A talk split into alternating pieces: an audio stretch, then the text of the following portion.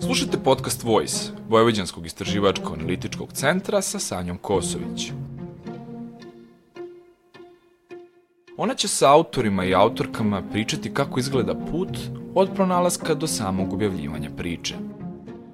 Saznaćete sa kakvim izazovima se novinari i novinarke suočavaju kako bi radili u interesu građana, a donosimo vam priče kojima ste vi, naši čitaoci, pružili najviše pažnje.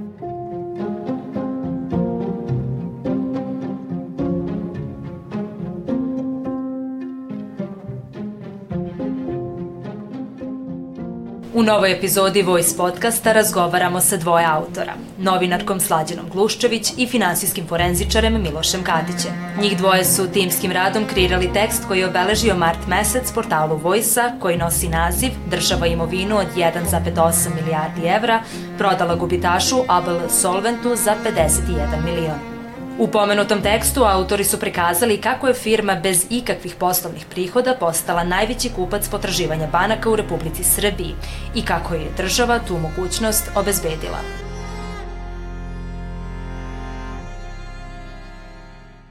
U pitanju je veliki portfelje potraživanja osam banaka u stečaju, kao i potraživanjima kojima Agencija za osiguranje depozita upravlja za račun Republike Srbije. Kako su autori naveli u tekstu, država je taj veliki paket potraživanja, u kojem se nalaze i građevinski placevi na najskupljim lokacijama u Beogradu, u aprilu prošle godine prodala problematičnom kupcu ABL Solventu. U okviru prodaje portfolija potraživanja banaka u stečaju bilo je 160 hipoteka na zemljište i objekte u celoj Srbiji, koji ukupno vrede oko milijardu i 800 hiljada evra, a prodate su za svega 51 milion. Naredne minute posvećujemo razgovoru o ovoj veoma važnoj, ali i komplikovanoj temi. Zdravo i dobrodošli. Ćao. U suštini, za početak, samim tim što su ove teme komplikovane i nisu, blize, bli, nisu baš bliske širokoj javnosti, započela bih ovaj razgovor sa nekim uopštenim pojmovima. Za početak, da li možete da mi objasnite šta je uopšte potraživanje banaka i da mi date možda neki širi kontekst? Pa ako govorimo konkretno o ovom slučaju koji smo mi radili u tekstu, To bi značilo u suštini da onog momenta kada vi uzmete kredit od banke i založite pravo na recimo vašu nekretninu ili stan, u onom momentu ukoliko ne otplatite taj kredit, banka ima pravo da u stvari aktivira to založno pravo i preuzme vašu tu imovinu koja je bila garant te kao hipoteke. I to je u stvari ta imovina koja je ovde i, i delom prodata. E sad, šta ste vi u stvari ovim tekstom otkrili? Šta kaže zakon o stečaju i šta se tu u stvari dogodilo? Pa tu imamo nekoliko spornih situacija, veoma spornih situacija. Kao prvo, napravljena je materijalna velika šteta i cijel taj postupak je zapravo materijalno sporan samim tim što je nešto što je vredno 1,8 e, milijardu evra prodato za nepunih 3 e, od 100 te vrednosti, procenjene knjigovodstvene vrednosti, e, tačnije 2,8 te vrednosti, dakle za nekih 50 miliona evra. Dakle, taj postupak cijel je materijalno sporan. S druge strane, i formalno je sporan cijel taj postupak zato što je ta imovina prodata u stečajnu stečajnom postupku bez rješenja suda o konstataciji te prodaje. Dakle, e, ovdje se kao stečajni upravnik zapravo pojavljuje AOD, Agencija za osiguranje depozita a taj stečajni postupak bi trebalo da vodi stečajni sud, u ovom slučaju to je Privredni sud u Beogradu. Po zakonu o stečaju, a od Agencije za osiguranje depozita je nakon e, obavljene prodaje trebalo o tome da obavijesti e, stečajni sud što ona zapravo nije uradila. Dakle, nikada nije potvrđena ta prodaja, nikada nije konstatovana, što je bilo u skladu sa zakonom o stečaju, dakle imamo i kršenje zakona. Da li možete nešto više da mi kažete o samom ABL solventu? Zašto je on gubitaš? Zašto je sad gubitaš baš i ne možemo da, da potvrdimo, ali je to opet poslovanje tog pravnog lica, ali ono što je činjenica jeste da je u, u 2020. godine on završio tu poslovnu godinu sa, sa gub, neto gubitkom od nešto, čini mi se, 14 preko 14 miliona, a, a ukupan prihod te godine im je bio sve 11 miliona, a poslovni prihod je bio samo 128.000, što otprilike prikazuje da je to pravno lice slabije poslovalo te godine. Ono što je nama izazvalo pažnju prilikom ove prodaje jeste upravo taj gubitak, jer gledajući realne ono, tržišne uslove i da se pojavite kod banke i zatražite ovakav kredit, ne samo ovakav, nego i znatno manji i da tražite kredit za, za ove namne, pitanje je da li bi vam banka dala, jer u suštini je veliki rizik na tome da li ćete ga vi otplatiti, jer ako poslujete sa gubitkom, pitanje je na koji način vi možete da otplatite kredit od 7 milijardi dinara van tog finansijskog dela, šta je ono još kod Abela Solventa što je recimo sad na, prvi, na prvu loptu bilo sumnjivo? Pa mi smo se naravno, smo radili ovaj tekst, obratili i Abel Solventu, međutim nismo mogli da dođemo ni do koga u toj firmi, Ta firma nema sajt, nema e-mail, nema telefon, ništa od tih podataka koji se tiču e, kontakata. Znajući da je da ta firma posluje u okrilju Alta Pay grupe, e, obratili smo se Alta, Alta Pay e, grupi sa pitanjima vezanim za konkretno ovu prodaju, međutim ni taj odgovor nismo dobili. Na naš tekst nije reagovao niko od njih, ni Abel Solvent, ni Alta Pay grupa, ni prethodno AIK banka, kada smo pisali taj tekst koji sam pominjala o prodaji, odnosno kupovini imovine IMT-a, tako da pretpostavljamo da je bilo nešto sporno u tekstu, da bi se sigurno obratili e, nama kao autorima i našoj redakciji, međutim to se nije desilo. AIK banka je i dala kredit Abele Solventu. Zbog čega je ona njoj dala? Koji je bio interes AIK banke u tom momentu?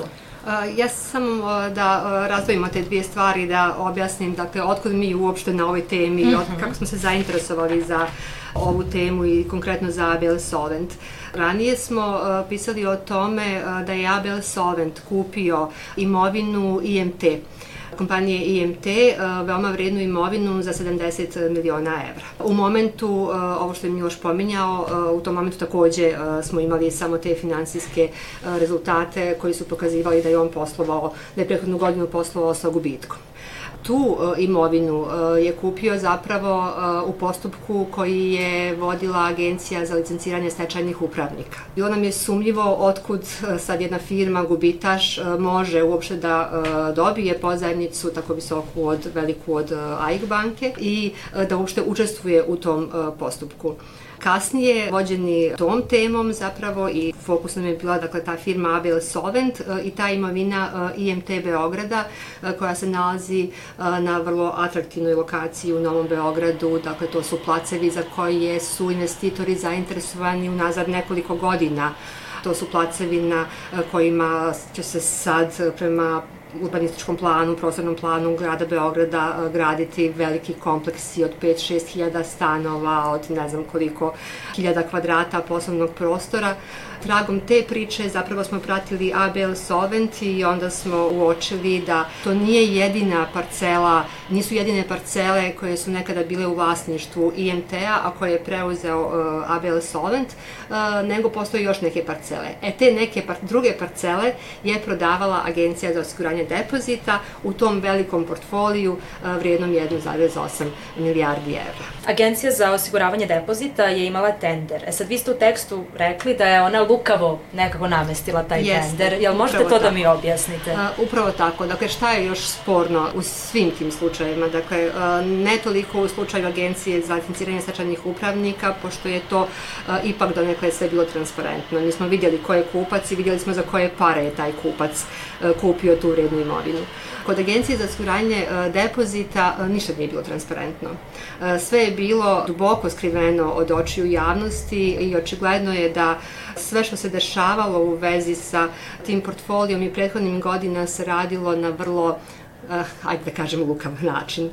Pitanje, dakle, Agencija za osiguranje depozita vodi stečajeva banaka jako dugo i to jako dugo traje i ovdje je u pitanju konkretno stečaj Beo banke koji je od 2002. godine. Tu su u pitanju stečajevi i drugih banaka kao da se namješta ko će kupiti koju atraktivnu imovinu.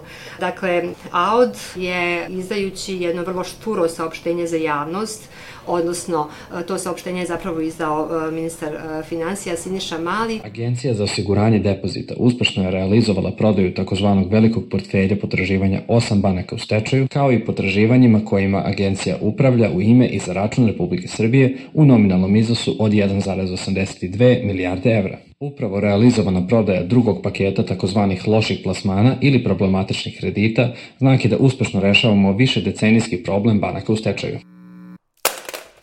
Samo konstatovao tu prodaju kao neki veliki uspjeh naše države i rekli su da su se oni zapravo ratosiljali nenaplativih kredita i tih nenaplativih potraživa, potraživanja koje su državi balast i teret.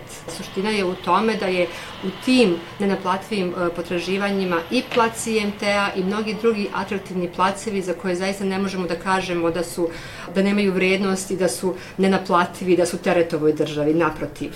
Tako da se sve dešavalo, kažem, veoma netransparentno, sve se krilo od javnosti, iako je u pitanju nešto to agencija, naj, najvrednija imovina koju je ikada agencija za osiguranje depozita prodavala i to je svakako informacija važna za javnost i informacija od javnog značaja koja se krila i mi nismo mogli da dođemo do te informacije zato što AOD nigdje na svom sajtu ne, ne, ne ukazuje na, ni na tender, ni na cio postupak, nemate uopšte na njihovom sajtu e, podatke o tome, podatke o tome nemate na sajtu Ministarstva financija.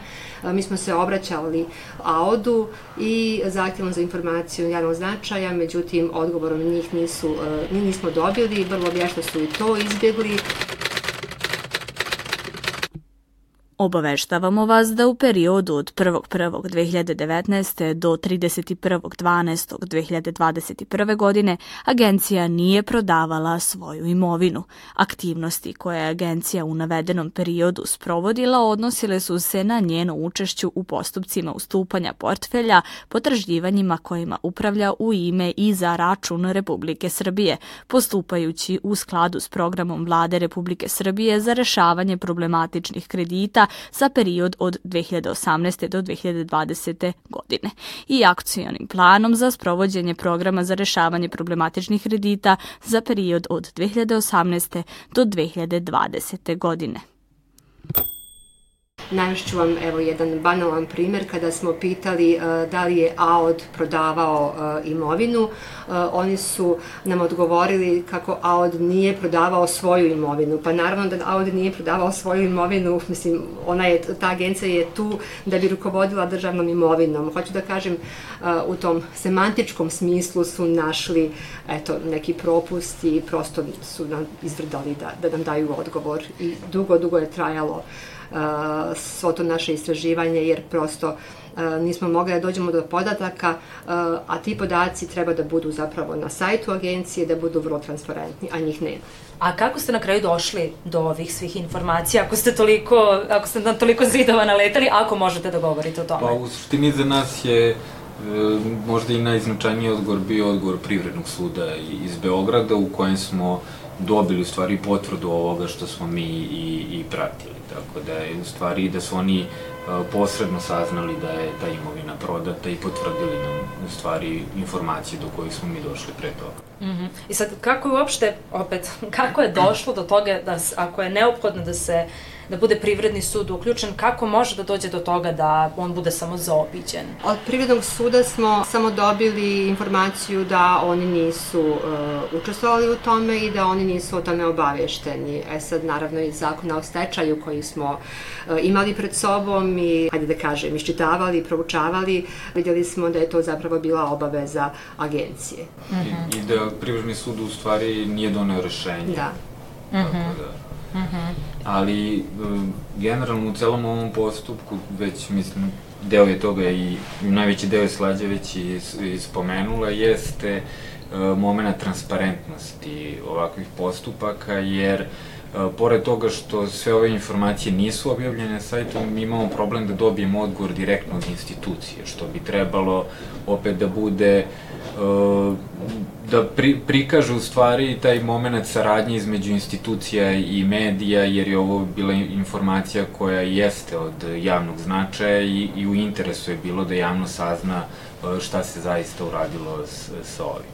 Ono što nama i nakon svega ovoga ostaje pitanje jeste u stvari kako će se poverioci naplatiti od, od ove prodaje, jer su oni ovde čini mi se od osam banaka, je li tako? Jeste, osam banaka u stečaju, jeste. Objedinili i pitanje na koji način će sad oni staviti prioritete prilikom naplate poverioca iz te, od te prodaje.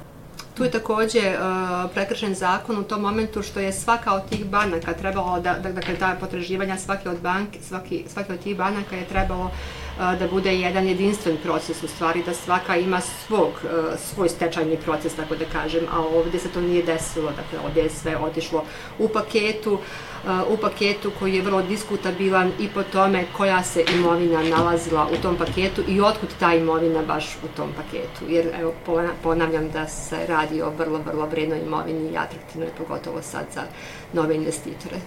Pominjali ste koje su bile te otežavajuće okolnosti sad kroz razgovor. E sad, e, šta je ono što je potrebno da se promeni da bi, ova, da bi bilo lakše raditi na ovim pričama, da bi situacija bila transparentnija? To je zapravo najveći problem nama, zato što mi, obraćajući se većini institucija, počevši od lokalnih samouprava, od javnih preduzeća na lokalu, pa sve do evo, agencija i ovaj, ostalih institucija, ne dobijamo odgovor. Više ne nalazimo samo na zatvorena vrata, nego bukvalno na gvozdena vrata. Mi ne možemo doći ni do jedne informacije ignorišu nas. Evo Miloš i ja smo prošle godine, pomenuću taj primer, počeli da radimo jednu priču o tome e, koliko su lokalne samouprave u Vojvodini zadužene. E, poslali smo pitanja na sve adrese, dakle na adrese svih opština u Vojvodini. Niko nam nije odgovorio osim jedne opštine, to je bila Kula. Ja sam ih e, zvala telefonom da vidim da li su im uopšte mailovi stigli. Da, svi su nam potvrdili da, da, da dobili smo mailove, ali znate sad, ne znam, predsednik nije tu, nema ko da vam odgovori, odgovorit ćemo vam, nikada niko nije odgovorio. Imali smo čak jedan odgovor Jeste. preko telefona gde je da, rečeno... Da, da zamjenica predsjednice, predsjednika opštine Ada, čini mi se, ili Mol, Jeste, a, da Ada, da je li tako, mi je rekla i to mi se desilo prvi put evo, ovaj, u novinarskoj praksi koja je jako duga. Ona je rekla, dobit ćete informaciju od mene. Ja sam bila sva sretna već pripremila ovog i papir da zapisujem informaciju da bi na kraju rekla informaciju nećete dobiti. Dakle, ta informacija koju ću dobiti od nje je bila informacija da, da informaciju dobiti. neću, do, neću dobiti. I ovaj, kad sam je pitala zašto, kako, pa valjda vi ste novinar, valjda znate kako se dobijaju informacije. To je bio odgovor koji smo dobili iz te opštine. A šta mislite, u čemu je, zbog čega su toliko zatvorene institucije? Da li je, eto vi kao neko ko se bavite novinarstvom već jako dugo, da li je uvek bilo tako ili Nije. postoji, kad se to desilo, zbog čega? Nije bilo tako, uh, tako je uh, unazad nekoliko godina. Ne, mož, ne mogu da kažem uh, da, da ne funkcioniše kancelarija poverenika, oni su nam zapravo saveznik u, u našem poslu i na njih se najviše oslanjamo. Sada, unazad par godina, postoje sad i neki podaci da žalbe koje je poverenik za informacije od javnog zla, ko, koje je povereniku za informacije od javnog značaja šalju bilo građani, novinari i bilo ko drugi, kada ih institucije odbiju, sve češće se završavaju tako što poverenik traži institucijama da se o tom zahtjevu ponovo odluči. Dakle, sve se vraća na ponovni postupak i sve to nama otežava rad, usložnjuje rad, građani ostaju bez informacije koja je važna za njih, e, mi gubimo na aktuelnosti teme posle toliko vremena, mislim da to traje mesecima, tema više nije, nije aktuelna. Dakle, e, to je baš trend evo, koji se intenzivira u poslednjih godinu, dvije, rekla bih.